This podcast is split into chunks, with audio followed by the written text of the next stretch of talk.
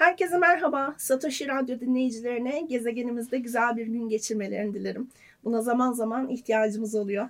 Ben Nazlı Öztürkmen. Bitcoiner'ın Galaksi Rehberi isimli podcast serisine başlıyoruz ve ilk bölümdeyiz şu anda. Bu podcast'te astronomi, astrofizik, kozmoloji, galaksiler, yıldızlar, kara delikler kısacası dünya atmosferinin dışındaki, uzaydaki her şeyi, evrendeki her şeyi konuşmaya çalışacağız, sohbet edeceğiz. İlk bölümle başlayalım.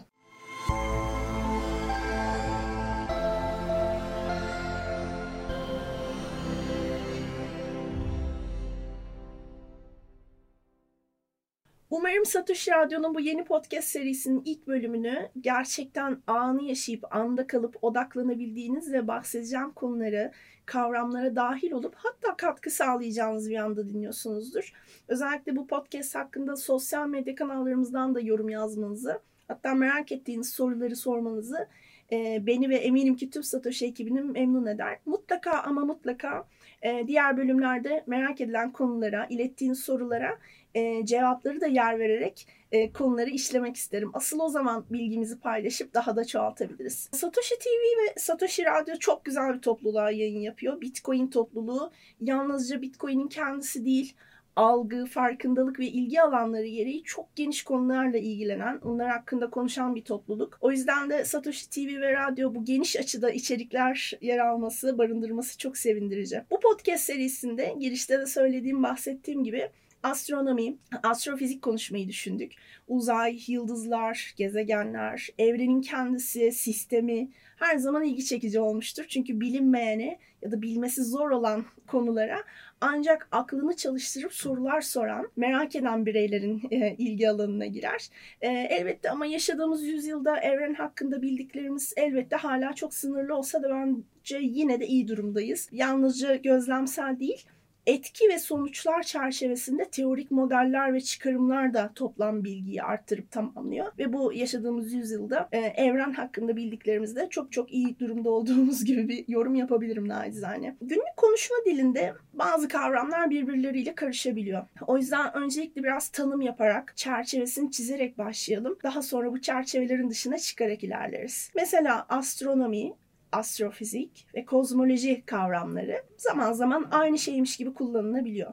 Bu da çok normal.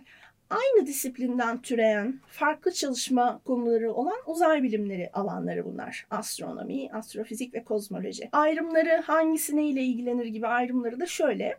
Ee, astronomi dünya atmosferinin ötesindeki evrenin yani gök cisimlerinin konumlarını, parlaklıklarını, hareketlerini ve diğer özelliklerini ölçüyor. Astrofizik ise evrendeki küçük ve orta büyüklükteki nesnelerin, yapıların fiziksel teorilerini ve süreçlerini inceliyor veya oluşturuyor. Yani oluşturmaktan kastım e, hem bir modele oturtmak veya teorik çalışmak. Kozmoloji ise kozmosun yani evrenin en büyük yapılarını ve bir bütün olarak evreni kapsayan çalışan bir alan. Kısacası bu üçünün arasında biraz ölçek ve cisim farkları var. Bu tanımlarla birlikte e, astronomi üzerine çalışan bilim insanlarına da astronom, astronominin astrofizik alanında dalında çalışan bilim insanlarına astrofizikçi ve kozmoloji üzerine çalışanlara da kozmolog e, dediğimizde belki altını çizebiliriz. Çünkü sonuçta konu ve e, kim neyi çalışıyor dediğimizde bunları duyduğumuzda aslında birazcık daha kafamızda net olması faydalı olabilir. Bu kişiler, bu araştırmacılar, bu e, akademisyenler de astronomi ve uzay bilimleri bölümünde eğitim e, alıyorlar veya işte fizik yan dalı ya da çift ana dalı yapıyorlar. E, mutlaka yüksek lisans doktora gibi lisansüstü eğitim ve kariyerde ilerliyorlar. Bunun yanı sıra fizik, matematik hatta belki çalışma alanına göre kimya ve mühendislik alanları da yine bu kişilerin yani astronomların, astrofizikçilerin ve kozmologların eğitim geçmişini oluşturabiliyor. Örneğin astrofizik evrenin fiziğiyle özellikle gök cisimlerinin uzaydaki konumları veya hareketlerinden ziyade doğası ile ilgilenen bir astronomi dalı olmasından dolayı incelenen nesneler arasında neler var? Galaksiler, yıldızlar, öte gezegenler, güneş dışı gezegenlerden bahsediyorum, güneş sistemi dışı, yıldızlar arası ortam e, kozmik mikrodalga arka planı olmasından dolayı yani şunu demek istiyorum aslında astrofizik çok geniş bir konu. Bu nedenle astrofizikçiler tipik olarak işte mekanikten tutun e, elektromanyetizmaya kadar istatistiksel mekanik, termodinamik, kuantum mekaniği e, görelilik, nükleer ve parçacık fiziği, atomik ve moleküler fizik dahil olmak üzere birçok fizik disiplinini uyguluyorlar. Astronomi ve astrofizik de kendi içinde bu konularda ayrı ayrı uzmanlaşmayı barındırdığı için aslında belki günlük yaşamımızda sıradan hepimizin bildiği tıp doktorları örneğini verebiliriz. Mesela örnek verelim gözümüzde bir rahatsızlık olduğunda gidip ortopediste gitmeyiz, e, ortopedi doktoruna gitmeyiz. Astronomi ve astrofizikte de bu böyle. E, örneğin spesifik olarak güneş çalışan e, biri yani güneş üzerine uzmanlaşan bir bilim insanı galaksinin kimyasal evrimi veya kuasarlar üzerine aşırı uzman değildir olmak zorunda da değildir. Çünkü işte göz doktoruna hani ortopedi sormak veya tam tersini yapmadığımız gibi. Temel astronomi ve astrofizik açısından elbette bilgilidir. Yani örnek yine oradan verelim. Ortopedistin sizi durduk yerde gözünüze bir şey sokarak kör etmemesi gibi nötron yıldızı üzerine uzmanlaşmış bir astrofizikçi elbette ki galaksiler hakkında çok şey bilir ama bu alanda makale yayınlayacak bir oda sahip olmayabilir. Bu nedenle olur da bir astrofizikçiyle sohbet ederseniz sizi hararetli ve heyecanlı dolu dolu şekilde uzmanlığı dışındaki konudan bahsetmiyorsa onu yargılamayın. Astrofizikçileri sevelim. Sevmeyenleri de uyaralım. Astronomi ve astrofiziğin şöyle bir de çekici yanı var. Hazır tanımlardan gidiyorken bunu da bahsedelim. Amatör olarak ilgilenilebilecek nadir bilim dallarından birisi. Mesela az önce tıptan bahsettik. Yani amatör olarak hiç hastalıkları uzmanlığıyla ilgileniyorum gibi bir önerme olamaz. Zaten olmamalı da. Ama mesela kendisi evde parfüm yapan ve bunu kimyaya duyduğu ilgiyle yapan birini tanımıştım üniversitede. Evet bu amatör kimyacı yapabilir onu belki. Ama amatör astronomi daha da kolay. Yani hani evdeki parfümden daha da kolay. Çünkü bunu e, yapabilmeniz için yalnızca zaten gözlerinize ihtiyacınız var ve işte açık bir havada gece e, gökyüzüne bakmaya ihtiyacınız var. Amatör olarak astronomi yapmak bu kadar kolay. Henüz gelişmiş teleskoplar hatta gelişmemiş olanlar bile dahil mercekler ve diğer astronomik araçlar bulunmamışken gökyüzü hakkında bilgimiz çok yeni ve ilkelken izlenen metot da buydu. Yani geceleri gökyüzüne e, bakıp e, yalnızca gözle gözlemler yapıp notlar almak, döngüleri, hareketleri ve etkilerini not etmek ilk astronomi çalışmalarını oluşturmuş zamanında. Şimdi bunun aynısını hatta şanslıyız ulaşılabilir, çok kolay ulaşılabilir kaynaklarla yapmak çok daha kolay. Örneğin bir gök atlası kullanarak gökyüzünün açık olduğu bir gecede birkaç saat dışarıda geçirseniz gece boyu yıldızların gökyüzündeki hareketini rahatça gözlemleyebilirsiniz. Mesela kutup yıldızı dediğimiz ve dünyanın dönme ekseninin kuzey kutbunda işaretleyen Polaris yıldızı mesela küçük ayı diye bilinen Ursa Minor takım yıldızının en parlak yıldızıdır. Mesela bir gök atlası elinizde varsa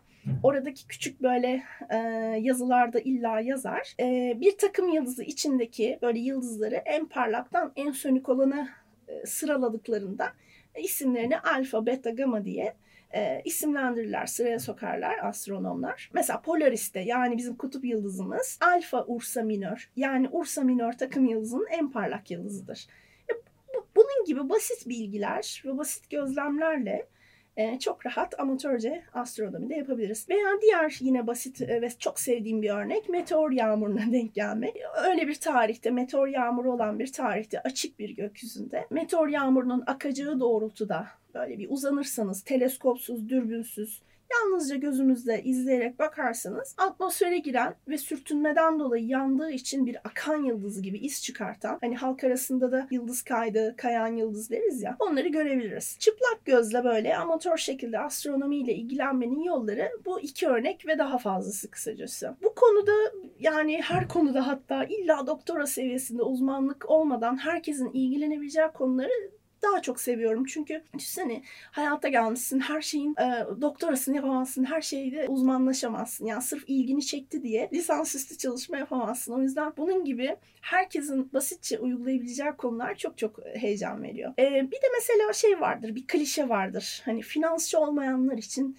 finans eğitimi gibi böyle klişe eğitimler eminim ki işe yarıyordur. Ya örnek veriyorum finansal bir konu ilgini çekti diye bir şirketin analisti ya da CFO'su olmanı bekleyemeyiz. Ama işte bunun gibi küçük eğitimler, küçük okumalar, internetteki kaynaklarla ilgilendiğin finans konusuna bakabilirsin. Amatör astronomi de böyle. Yalnızca gök atlısı veya birkaç amatör dille yazılmış kaynak ve istekle yapılabilir. Bir şeyle daha benzeşiyor bence. Ee, bizim için tatlı bir örnek olacağını düşünüyorum. Yeni nesil finans dünyasının kapılarını açan ve bize değişmeyen değer önerileriyle finansal özgürlüğün de kapılarını açan Bitcoin de bu verdiğim örneklere benziyor. Her eğitimde, her seviyeden, her ülkeden, her türde, her tipte bireyin deneyimleyeceği ve anlayabileceği ilk kripto para. Yani kimse Bitcoiner olmak için yazılımını, teknolojisini, yoksusunu falan o kadar bilmek zorunda değil. Yazılımcı olmak zorunda değil, finansçı olmak zorunda değil, zengin olmak zorunda değil.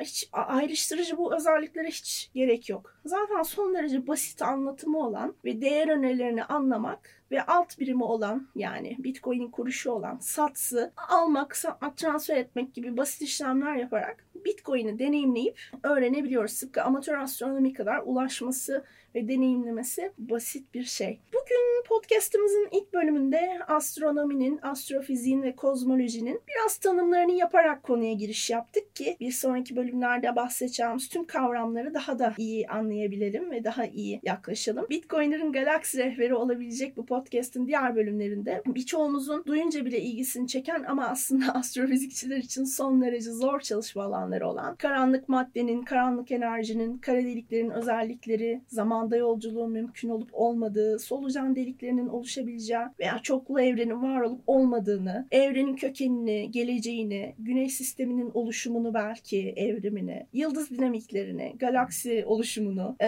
evrendeki maddenin büyük ölçekli yapısını, kozmik ışınların kökenini, sicim kozmolojisini, astroparçacık fiziği dahil olmak üzere bu gibi konuları konuşacağız. Özellikle bol bol ilgi çekici anahtar kelime söylüyorum ki diğer bölümlerde de buluşabilelim. O yüzden Satoshi Radyo'nun bildirimlerini açmayı ve takip etmeyi de unutmayın. Yeniden görüşmek üzere.